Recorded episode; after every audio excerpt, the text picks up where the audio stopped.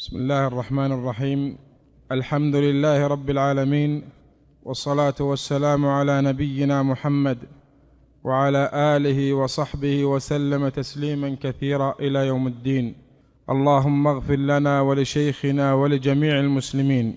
قال المؤلف رحمه الله القاعدة الرابعة أن النبي صلى الله عليه وسلم ذكر أن الحلال بين والحرام بين وبينهما أمور مشتبهات فمن لم يفطن لهذه القاعدة وأراد أن يتكلم على مسألة بكلام فاصل فقد ضل وأضل فهذه ثلاث ذكرها الله في كتابه والرابعة ذكرها النبي صلى الله عليه وسلم. بسم الله الرحمن الرحيم الحمد لله رب العالمين وصلى الله وسلم وبارك على نبينا محمد وعلى آله وصحبه ومن سار على نهجه واقتفى أثره واستنى بسنته واهتدى بهداه إلى يوم الدين. ثم أما بعد فهذه هي القاعدة الرابعة من القواعد التي ذكرها الشيخ محمد بن عبد الوهاب عليه رحمة الله تعالى. وهذه القاعدة هي ثمرة القواعد الأربع السابقة. وذلك أن القاعدة الأولى وذلك أن القاعدة الأولى متعلقة بالشخص الذي يتكلم في الأدلة تحليلا وتحريما. فهو ناطق عن الله عز وجل موقع عنه سبحانه وتعالى. فبين له الشيخ رحمه الله تعالى أن القول على الله عز وجل بغير علم أن ذلك من أعظم الإثم بل هو من بل هو أشد من الشرك به سبحانه جل وعلا. ولذا فإنه لا يحق لغير المتأهل أو ناقص التأهيل أو ناقص النظر في المسألة أن يحكم على مسألة بشيء. ثم ذكر القاعدة الثانية والثالثة وهما متعلقتان بالنظر في الأدلة بالنظر في الأدلة. فذكر الشيخ في القاعدة الثانية أنه لا يلزم من كل مسألة أن يكون فيها دليل منصوص فكم من المسائل الكثيرة التي لا أدلة فيها؟ والشرع عندما لا ينص على دليل فإنما يحيلنا إلى الأصل وهو الإباحة أو الجواز أو الصحة على التفصيل الذي ذكرناه في الأصول. ما لم يوجد ما لم يوجد ناقل له عن الأصل وذكرنا المستثنيات في محله. ثم ذكر الشيخ في الدليل أو في القاعدة الرابعة أن النظر في الأدلة نظر في كثير من أحيانه يكون مشكلا ومشتبها فإن في نصوص الوحيين نصوص مشتبهة تشكل على أكثر الناس ولا يكاد يعرف وجه الصواب فيها إلا من وفق من الراسخين من أهل العلم. ولذا أراد الشيخ أن يقرر بالقاعدة الثالثة معرفة أسباب الاشتباه بين النصوص وكيف درء هذا الاشتباه برد المتشابه إلى المحكم وأن هذا الأمر ليس لكل أحد وإنما هو للراسخين في العلم. ولذا ذكرت لكم بالأمس أن القاعدة الثالثة يندرج فيها جل مسائل أصول الفقه ناهيك عن تفريعات الأصول وجزئيات المسائل المتفرعة عليها. وهذه القاعدة الرابعة ذكر فيها الشيخ رحمه الله تعالى الثمرة وهو القول. فأراد الشيخ رحمه الله تعالى أن يقول إن القول الذي يرجحه المرء بعد تأهيله وبعد نظره ليعلم أنه ليس قولا جازما. ليس قولا جازما إلا في مسائل معدودة جعلها, جعلها الله عز وجل من الحلال البين أو من الحرام البين. ولذلك صح من حديث النعمان بن بشير رضي الله عنه أن النبي صلى الله عليه وآله وسلم قال الحلال بين والحرام بين وبينهما أمور مشتبهات لا يعلمهن كثير من الناس فمن اتقى الشبهات فقد استبرأ لدينه وعرضه. اذا لنبني هذه القاعدة على هذا الحديث الجليل العظيم الذي من جعله أمام عينيه ونصبهما استبان له كثير من الحق بعد الاجتهاد وبذل الوسع فيه. فالنبي صلى الله عليه وسلم يقول إن الحلال بين أي واضح وجلي والحرام بين أي واضح وجلي. وبين هذا الحرام الذي بينه الله عز وجل وأجلاه والحلال الذي أوضحه سبحانه وتعالى وأبانه أمور مشتبهات. ومعنى الأمور المشتبهات أي المسائل التي لا نص في حكمها هذا واحد أو أنه لا إجماع عليها. وقد جاء عن الإمام أحمد وإسحاق بن راهوية أنهما فسر المتشابه بذلك. إذن الأمور المشتبهات هي المسائل الفقهية الفروعية التي لا نص صريح فيها وفيها اختلاف بين أهل العلم. فما كان فيها نص صريح فلا شك أنه من الحلال البين. أو من الحرام البين أو من الواجب البين ونحو ذلك. فقول الله عز وجل أقيموا الصلاة نص صريح في إيجابها وتحريم الزنا وتحريم السرقة وإباحة الأطعمة والحيوانات أو كثير منها هو من النص البين الذي لا إشكال فيه والحرام سواء حلا أو إباحة. وأما المشتبه فتارة يكون بسبب اختلاف العلماء فيه لعدم ورود النص وتارة يكون في تحقيق المناط أي بسبب الاختلاف في القاعدة. ولكن القاعدة متفق عليها. ولذلك يقول الزهري رحمه الله تعالى لما تكلم عن مسألة أن الحائض لا تقضي الصلاة. قال الزهري محمد بن شهاب أجمع المسلمون على ذلك وكم من الأحكام لا سنة فيها. إذا فالإجماع أو السنة التي هي من باب النص هي التي تنقل الحكم من كونه مشتبها إلى كونه محكما وصريحا وبينا. فالناظر بين الأدلة إذا جاءه الحكم البين لزمه لزومه وعدم الخروج عنه. ومن خرج عن الحكم البين فلا شك أن قوله شاذ باطل كائنا من كان كائنا من كان ولكن نعم قد يعذر في خطئه ويؤجر عليه مثل ما كان من بعض الصحابة ومن بعض المجتهدين. فإن طلحة بن عبيد الله رضي الله عنه مثلا كان يرى أن أكل البرد ليس مفطرا وهذا اجتهاد منه رضي الله عنه لكن القول غير صحيح والقاعدة قلنا الرابعة متعلقة بالقول لا بالشخص أو أنه رضي الله عنه أيضا كان يرى أن الاستجمار هو الذي للرجال وأن الاستنجاء بالماء إنما هو خاص بالنساء فكان لا يجيز الاستنجاء بالماء للرجال. وأيضا هذا القول النصوص الصريحة البينة تخالفه فكان اجتهاده رضي الله عنه مأجور هو عليه ولكنه لا يتابع عليه فإن القول يحكم بعدم صحته. يبقى عندنا المسألة المهمة وهي قضية المشتبه. اذا المشتبه كل مسألة اختلف العلماء فيها على قولين وكان خلاف العلماء فيه من الخلاف المعتبر المؤثر صحيح صحيح الاعتبار وصحيح المستند فإنه يسمى من المسائل المشتبهة. ولذلك فإن النبي صلى الله عليه وسلم قال لا يعلمهن أي لا يعلم المسائل المشتبهة كثير من الناس. يقول أهل العلم ومعنى كون المرء لا يعلم هذه المسائل المشتبهة هو أحد أمرين إما أنه قد أخطأ في الاجتهاد فيها فيكون لا لم يعلم المسألة المشتبهة.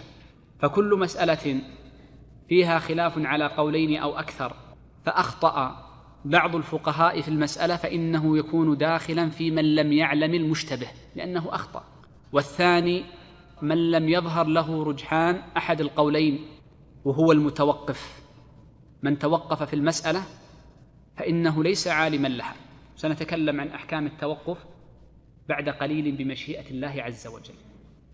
وفي قول النبي صلى الله عليه وآله وسلم لا يعلمهن كثير من الناس دليل على أن بعض الناس يعلمها وهذا دليل على أن الأمور المشتبهة وهي الأحكام الخلافية لا بد أن يكون الحق مع أحد الأقو... مع أحد الناس ولا شك. لا بد.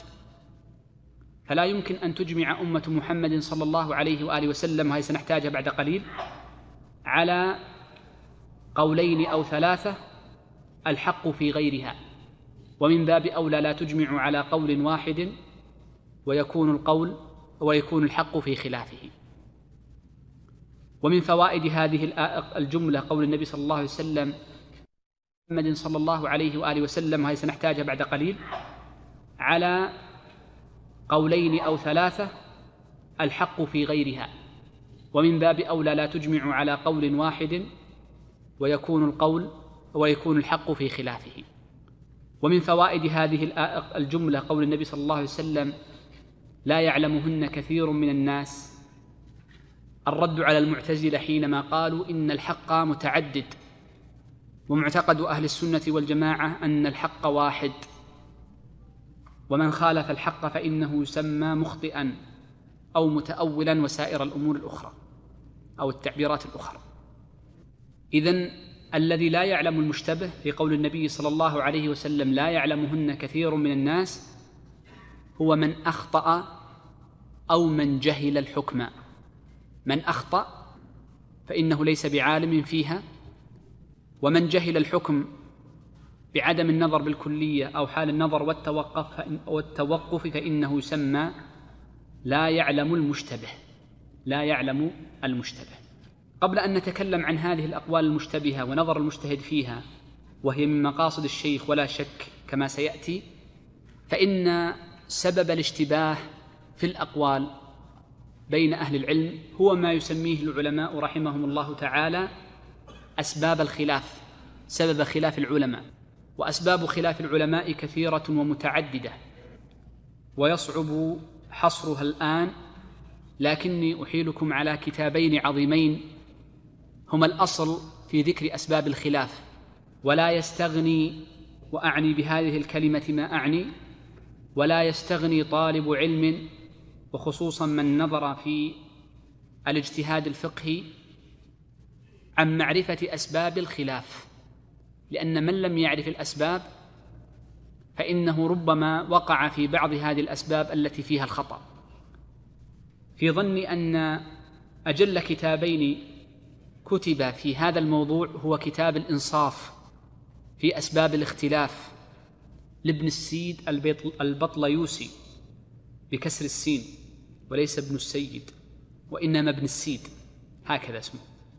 السيد.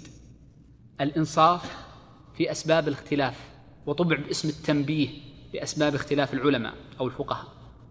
والكتاب الثاني كتاب رفع المنام للشيخ تقي الدين بن تيمية عليه رحمة الله وهو الذي لخصه ابن رجب في جامع العلوم والحكم ولخصه كثيرون فمعرفة أسباب الخلاف مهمة جدا للتصور الصحيح في للاجتهاد والتنزيل.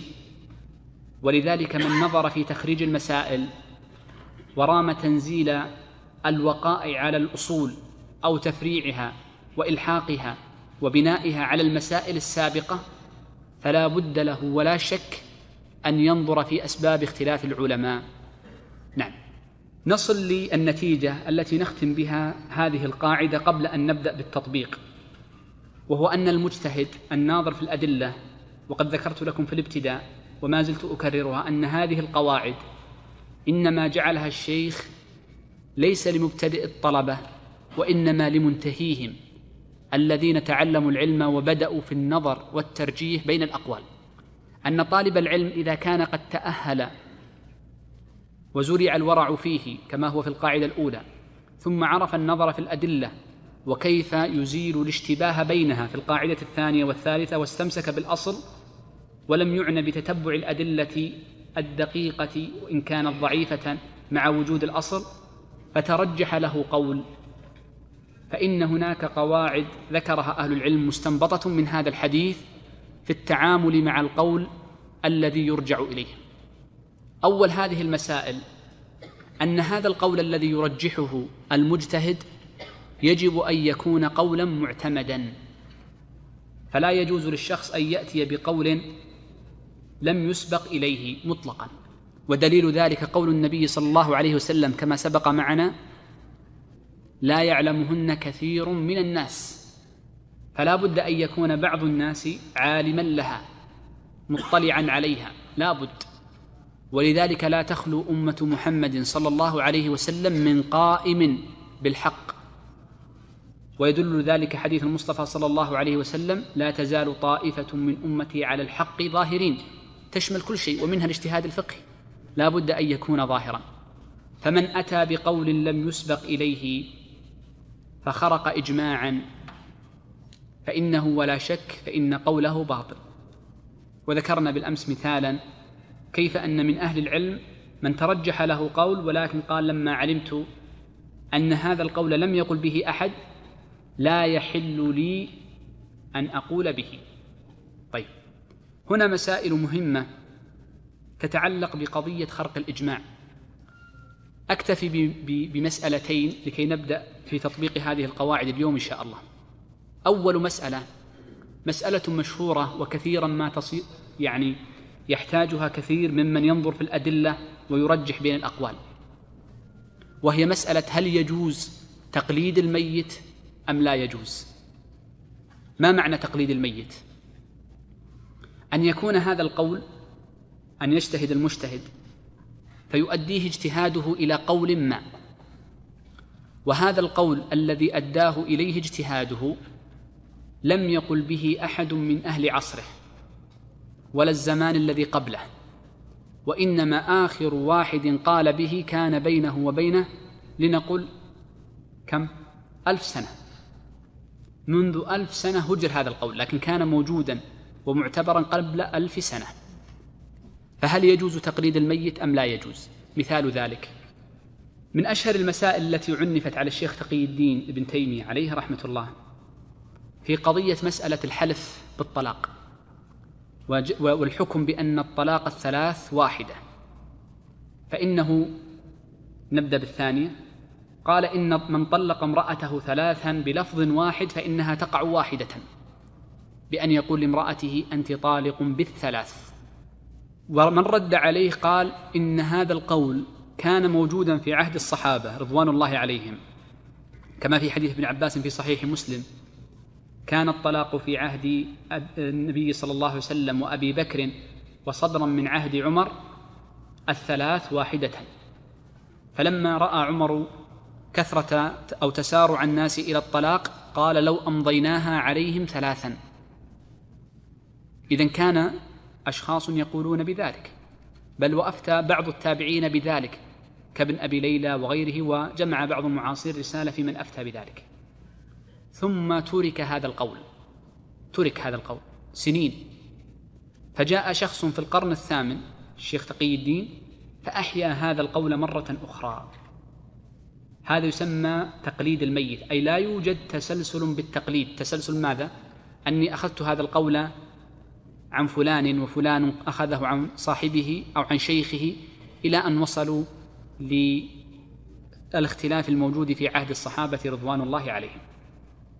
مسألة تقليد الميت جماهير أهل العلم قاطبة على أنه يجوز تقليد الميت.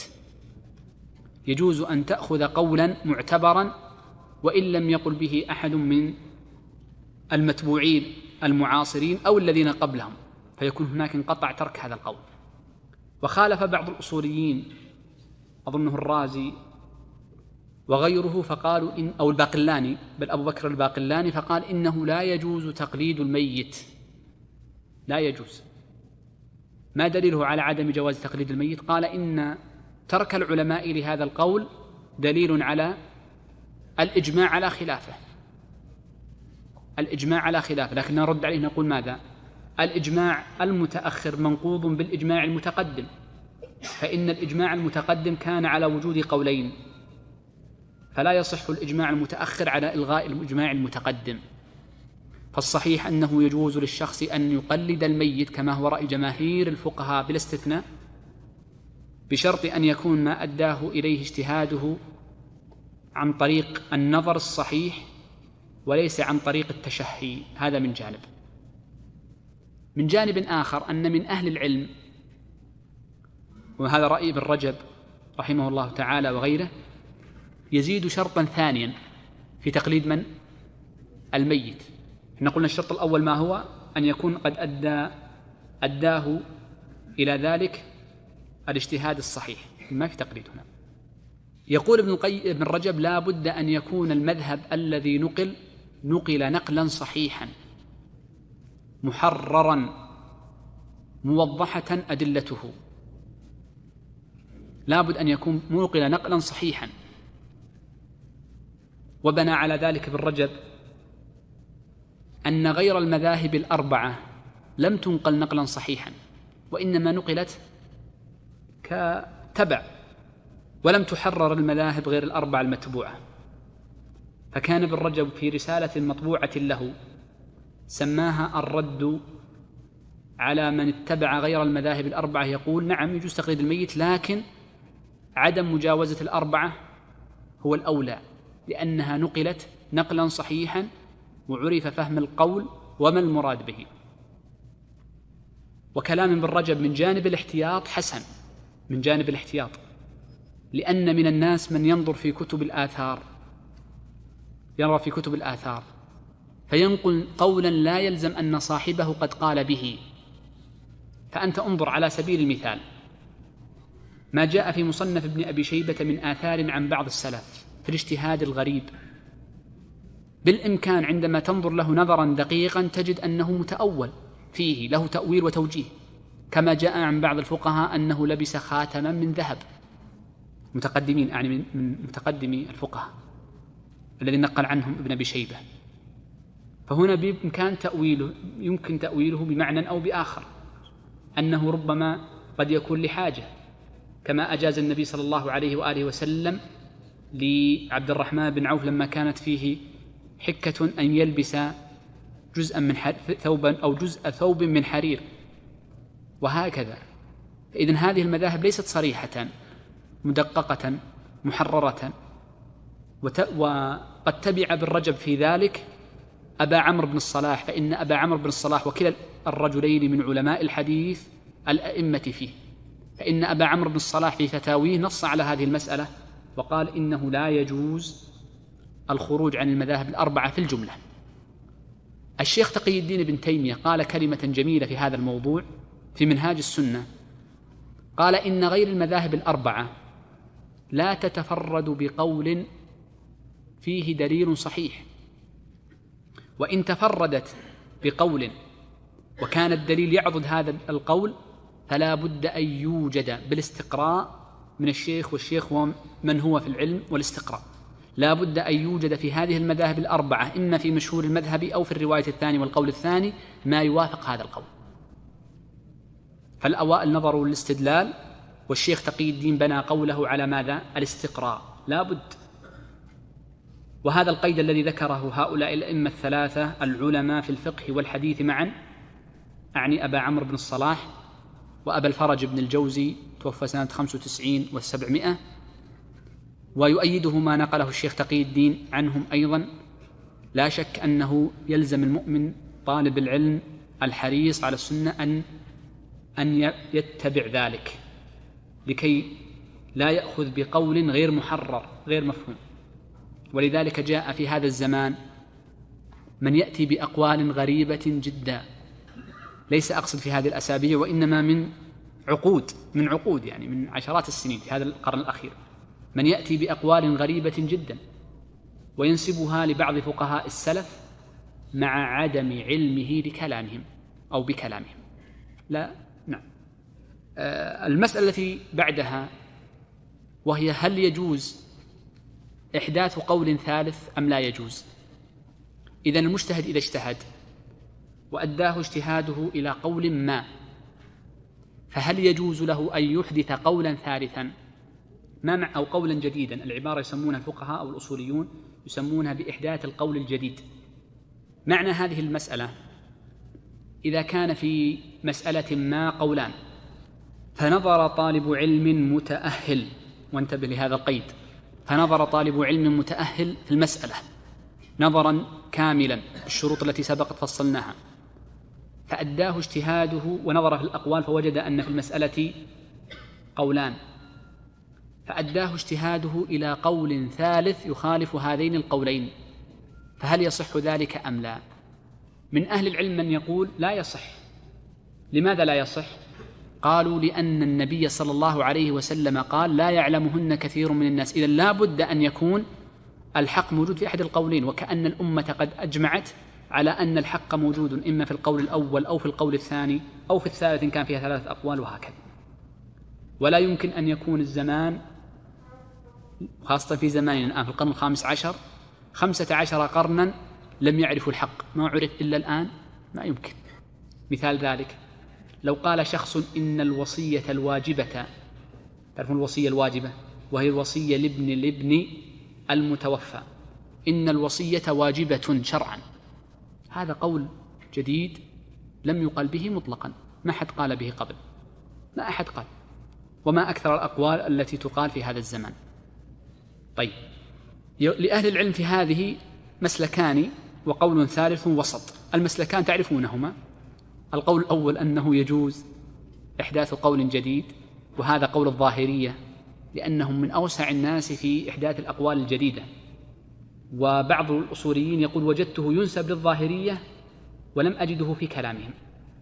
ينسب لهم ولكن لم أجده في كلامهم لأنه ربما نسب إليهم في كتب الأصول من باب فعلهم وطريقتهم وليس من باب نصهم.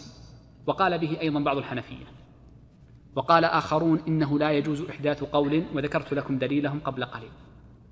وهناك طريقة وسط رجحها المحققون من الأصوليين كالآمدي وابن الحاجب والطوفي والرازي وهؤلاء من أشهر المتأخرين بل قال بدر الدين الزركشي ابن بهادر إن طريقة الفقهاء جميعا على هذا وهو أنه يجوز إحداث قول ثالث جديد بشرط ألا يرفع الأقوال التي قبله. بشرط ألا يرفعها. كيف يرفعها؟ أن يكون هناك في المسألة قولان. قول يجوز وقول سنة. فيأتي صاحب القول الجديد فيقول حرام. رفعت القولين. يعني لا هو يجوز وليس سنة. إذا هذا رفع رفع للقول. لكن متى لا يكون رفعا؟ إذا أتيت بوسط. أحدهما قال واجب والآخر قال مباح. فرجح المرء الندب. هنا مقبول سنتكلم عنها وأنها هي طريقة الأئمة وهي ما تسمى بمراعاة الخلاف. أو كان من باب التلفيق بين القولين. والتلفيق بين القولين أن يقول يكون واجبا في الصورة الفلانية والفلانية ويكون مباحا في الصورة الفلانية والفلانية. أو عند وجود هذا الشرط يجعل الصورة يزيد التقسيم وهكذا. إذا فطريقة المحققين من الفقهاء والأصوليين أنه يجوز إحداث قول ثالث بشرط ماذا؟ ألا يرفع القولين قبله إن كان في المسألة قولين. بعد أن يختار المرء قولا ويرجحه وقلنا لا بد أن يكون قولا معتبرا وذكرت لكم مسألتين دقيقتين لا بد أن يعرفهما المرء. إذا رجح المرء قولا معينا فما الذي يجب عليه حين ذاك؟ استنباطا من حديث النعمان وهذه القاعدة الرابعة معنا. فقالوا أول شيء يجب عليه يلزمه ألا يجزم جزما كليا بصحة قوله. لأن النبي صلى الله عليه وسلم قال مشتبه فيها خلاف المسألة خلافية. لا يعلمهن كثير من الناس. وما يدريك أنك أنت من القلة الذين علموا. لكن تقول ظهر لي.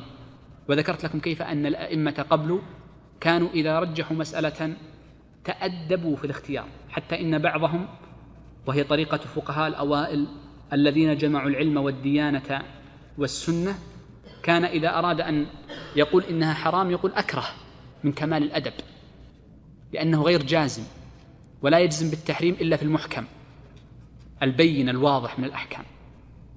هذه طريقة الأئمة كثير جدا من نظر في المصنفات وكتب الآثار وجدها. ولذلك هناك كلمة عظيمة لإمام عظيم وهو محمد بن إدريس الشافعي حينما قال كلمة رائعة قال قولي صواب يحتمل الخطأ وقول غيري خطأ يحتمل الصواب. فطالب العلم دائما يقول قولي صواب ليس من النوع الذي يقول قولي خطأ. إذا أنت لست طالب علم إذا أنت لا تعرف القول لست مجتهدا. ولكن مع ترجيحك القول تقول يحتمل الخطأ هو صواب لكنه يحتمل الخطأ. وهذا من باب التواضع في الدين. وقد جاء عن مجاهد أنه قال كما في البخاري لا ينال العلم مستح ولا مستكبر. الاستكبار قد يكون في حال الطلب أو في حال البذل أو في حال الاجتهاد. الاجتهاد إذا جزم المرء بمسألة يسأل الله عز وجل الإعانة فيها والسداد ومع ذلك يتأدب في اجتهاده. ولذلك ينبني على أن عدم الجزم وهذه مسألة مهمة ينبني على أن المرء إذا لم يجزم بقوله فإنه يتأدب مع من اختار قولا آخر يتأدب معه. وانظر لطريقة الأئمة رحمة الله عليهم جميعا. فإن الإمام أحمد سئل أصلي خلف من يقنت؟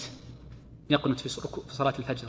أحمد يرجح أنه لا يشرع القنوت في صلاة الفجر وإنما كان يقنت ننسب المذاهب الأربعة. أتباع الشافعي يجوزون يرون القنوت جهرا في الفجر وأتباع الإمام مالك يرون القنوت سرا في هذه الصلاة. فلما قيل لأحمد في ذلك قال ألا أصلي خلف الشافعي؟ فانظر كيف أدب أهل العلم مع بعضهم. ما دامت المسألة من المسائل المشتبهة فإنك لا تترك الصلاة خلف امرئ فعل شيئا من المسائل الخلافية التي فيها الخلاف سائغ ومقبول. فتصلي خلفه وربما ترفع يديك. تصلي خلف امرئ مثلا يعني لا يرى نقض الوضوء بأكل لحم الجزور. فتراه قبل قليل أكل لحم جزور أي إبل. ثم كبر بك إماما فتصلي خلفه تصلي خلف امرئ مثلا لا يرى انتقاض الوضوء بمس الذكر وأنت ترجح ذلك وانتقاض. وتأكدت من فعل ذلك أو بمس المرأة وأنت ترجح نقض الوضوء فتصلي خلفه ولا شك. ولذلك فإن الإمام أحمد رحمه الله تعالى لما سئل أن أصلي قال إن كان من المسائل المشتبهة التي فيها خلاف صلي خلفه وإن كان مما لا خلاف فيه أو كانت المسألة مما ظهر النص فيها فلا تصلي خلفه. كمن قال بخلق القرآن هذا نص أحمد أو قال بإباحة المسكر باعتبار أن المسكر بالكلية لم يقل به أحد. تجوز بعض الفساق في ذلك الزمان فأباحها مطلقا ونسب ذلك لمذهب الإمام أبي حنيفة وليس الأمر كذلك. نعم. الأمر الثاني مما يتعلق بهذه المسألة أن المرء إذا رجح شيئا أن المرء إذا رجح شيئا قد يرجحه ولا يعمل به من باب الورع. وهذا الباب باب عظيم. كم غفل عنه كثير من طلبة العلم للأسف. فإن باب الورع أول ما يجب على طالب العلم إذا استمكن أن يقرأ فيه. لأنك ربما يترجح لك القول فتتركه لا تعمل به من باب الورع. وهذا معنى قول بعضهم إن إنهم يعني يقصد العلماء العباد وليس الجهال من العباد وإنما العلماء. تركوا كثيرا من الحلال خشية الوقوع في الحرام. ولكن الورع عندما يكون لا يكون على الناس وإنما لك في خاصتك. ولذا روى محمد بن طاهر القيسراني في كتاب السماع أن سفيان بن عيينة المكي وهو فقيه من فقهاء الحديث في مكة كان يقول الورع كل نحسنه كلنا نحسن الورع ولكن الفقه عندنا الرخصة من الثقة أن يكون الثقة العالم بذل جهده فالورع يقول ابن القيم في إعلام الموقعين لا يفتي به المرء وإنما يكون له في خاصة نفسه. ولذا أحمد لما دخل ابنه في القضاء كان لا يرى جواز أخذ الأجرة على تولي القضاء وسائر القرب فكان يرسل لهم بالطعام فكان لا يمنع أبناءه من الأكل منه وإنما يمتنع هو نفسه. فالورع يكون لك أنت ولا تلزم الآخرين به. وكثير من طلبة العلم قد يأخذ في المسألة بالورع في نفسه فنقول نعم أحسنت ولا شك ولكن ليس لك أن تلزم غيرك بالورع. الورع شيء والاجتهاد شيء. إما أن تجتهد فترجح لك نعم تفتي به إن كنت من أهل الفتوى أو تتوقف فتأخذ سنتكلم الآن بعد بعد قليل عن التوقف أو تتورع في نفسك ولا تلزم أحدا حتى أهلك. ما تلزم أهلك. فقد تشدد عليهم في شيء من باب الورع ولهم فيه مندوحة كما ذكرت لكم في قصة أحمد مع ابنه صالح لما ولي قضاء حلب أيضا مما يتعلق بجانب الورع أو أو الأمر الثالث نجعله أمرا ثالثا. الأمر الثالث قلنا إذا رجح المرء قولا فإنه أولا لا يجزم بصحته وإن كان ينافح عنه وبقوة وينتصر له لا بد لك أن تنتصر. قولي صحيح. الأمر الثاني أنه في خاصة نفسه قد يعمل قد يعمل بالورع وقد تفيد التقليل لأنه قليل من الناس من يغلب عليه الورع وهذا من قديم الزمان وألف أبو بكر المروذي رسالة في الورع. الأمر الثالث أحيانا أن الفقهاء قد يرجحون قولا. شوف قد يرجحون قولا. وقلنا أن الورع بماذا؟ لخاصة المرء نفسه أليس كذلك؟ القاعدة الثالثة لا تتعلق بالفتوى.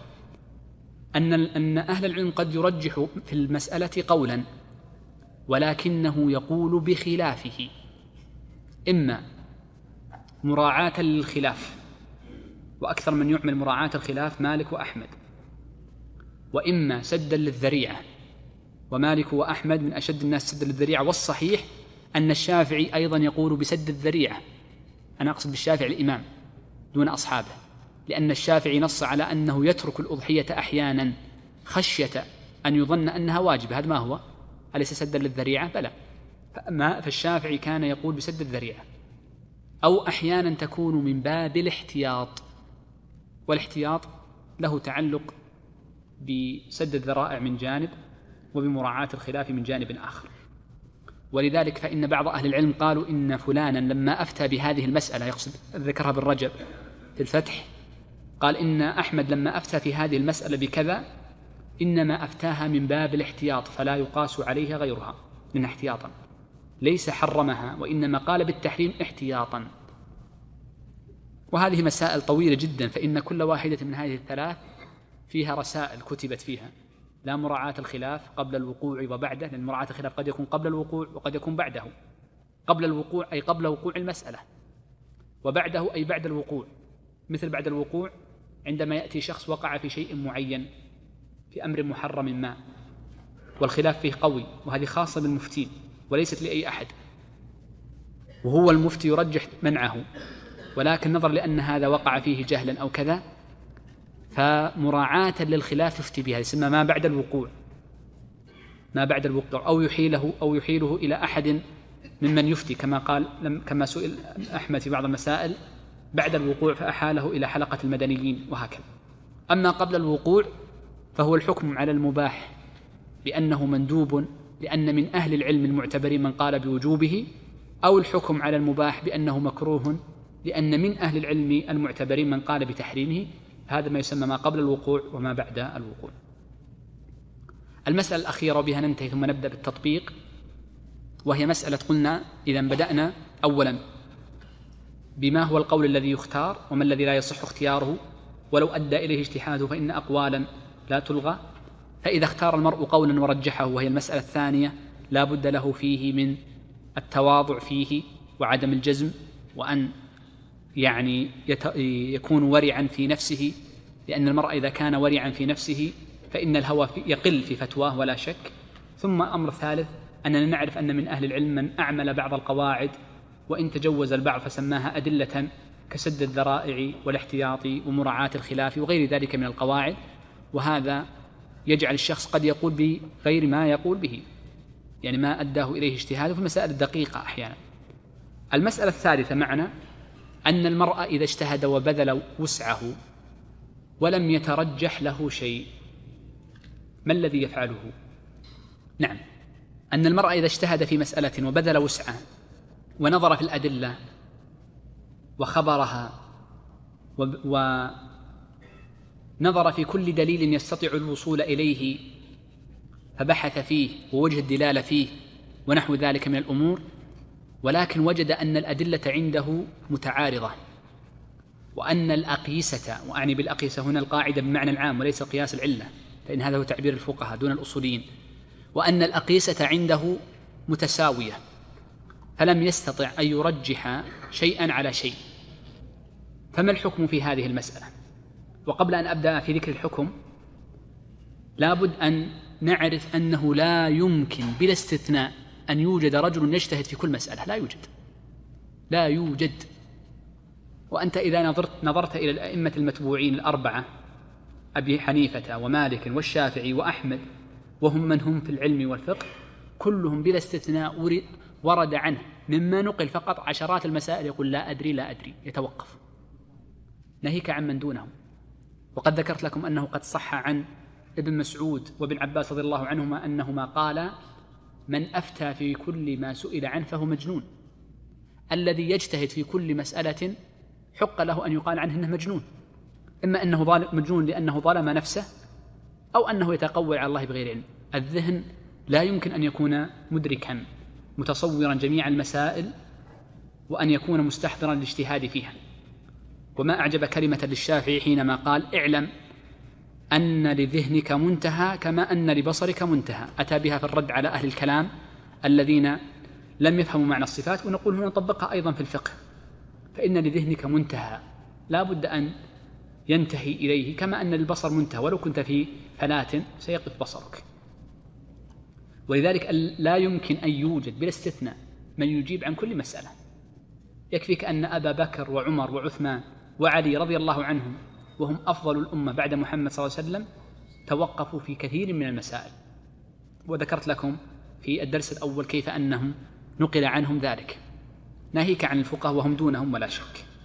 طيب إذا توقف المرء في مسألة إذا إذا لم يترجح له شيء فإنه يسمى عند الفقهاء بالتوقف. توقف المجتهد توقف. قد يكون توقفا وقتيا يومين ثلاثة أربعة أسبوع وقد يكون توقفا إلى ما لا منتهى له. والتوقف كثير عند أهل العلم بل أقول لك إن المرء كلما زاد علمه كثر توقفه. جاء أن الأثرم أبا بكر صاحب أحمد قيل له لما أحمد؟ دائما إذا سئل عن مسألة قال لا أدري توقف يعني. قال لعلمه بالخلاف. فمن علم الخلاف وكان ذا علم توقف. ومن علم الخلاف وكان جاهلا ذهب للرخص فزاق. إذا ليس معرفة الخلاف دائما حسنة. هي حسنة للعالم تزيده ورعا وخوفا. وأما المبتدئ فإنه مباشرة يزيغ. ولذلك تسمع بعض الناس عندما يستفتي شخصا فيقول له حرام. فيها خلاف؟ إذا قال فيها خلاف معنى أنه كأنه مكروه يعني أو أنه جائز. فبعض الناس الجاهل لا يعطى الخلاف كما قال ابن الصلاح أبو عمرو بن الصلاح في صفة المفتي والمستفتي ذكر أن المستفتي لا يعطى الخلاف لأنه يضعف هذا الأمر في نفسه أو يضعف ذكر الخلاف الأمر في نفسه.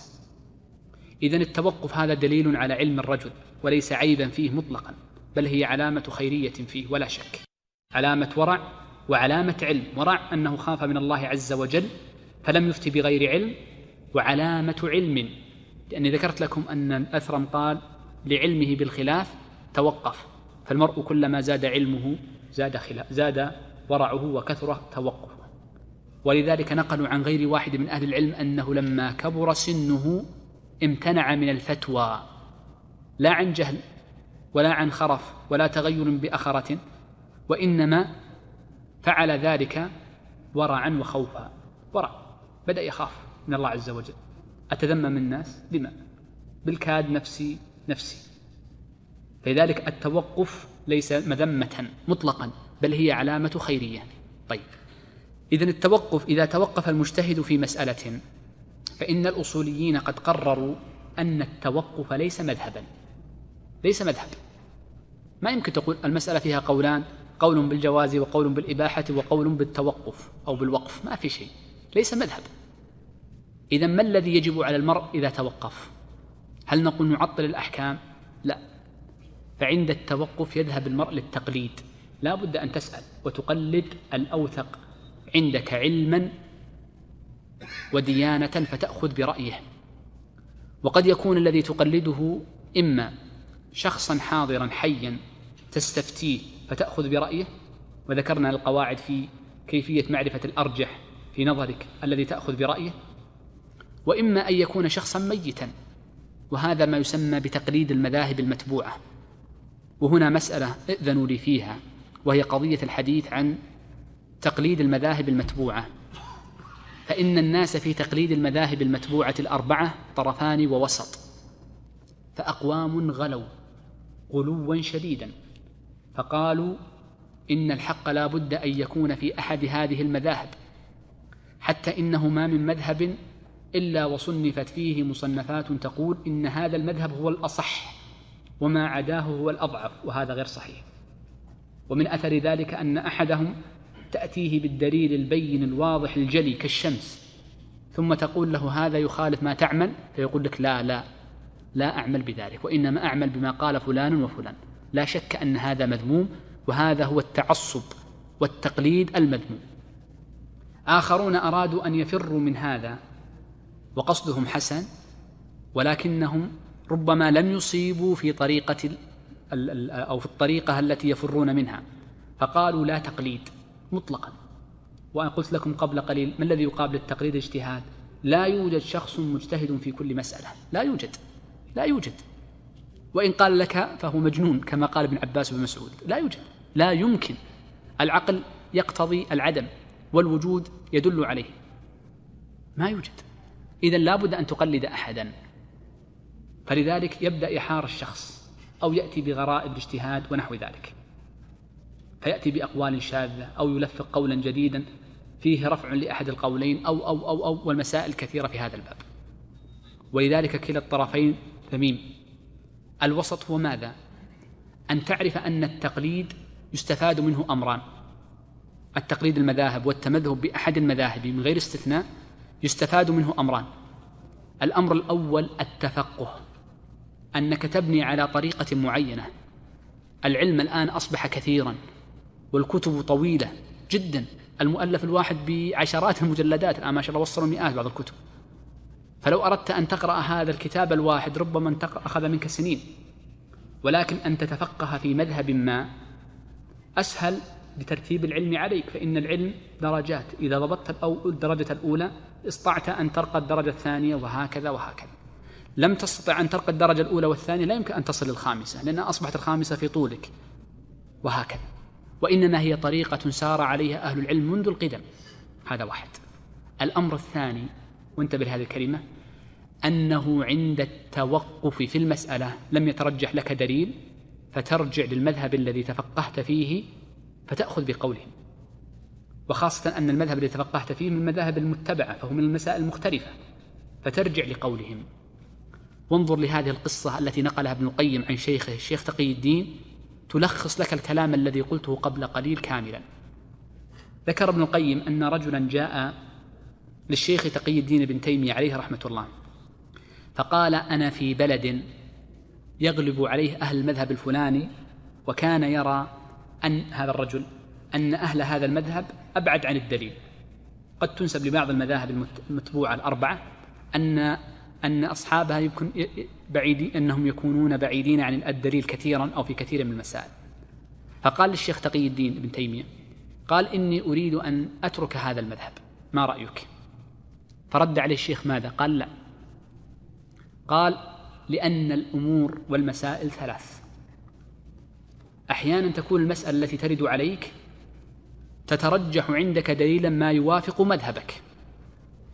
فأنت هنا عملت بالدليل وقد وافق مذهبك فابقي على مذهبك فيها لا شك. هذا واحد.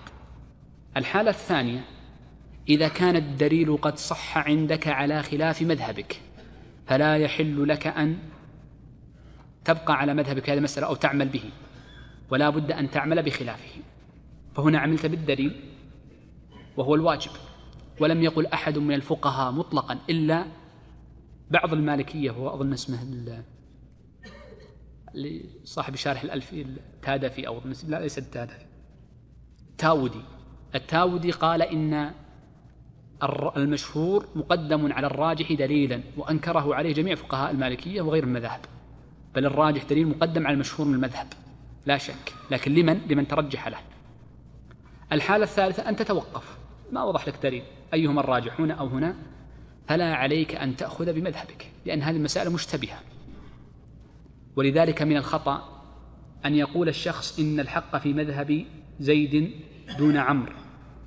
وقد بالغ الشيخ تقي الدين وقال إن من قال إن الصواب في أحد المذاهب الأربعة دون ما عداه فإنه يخشى عليه من الكفر نقلها عنه ابن مفلح في الفروع.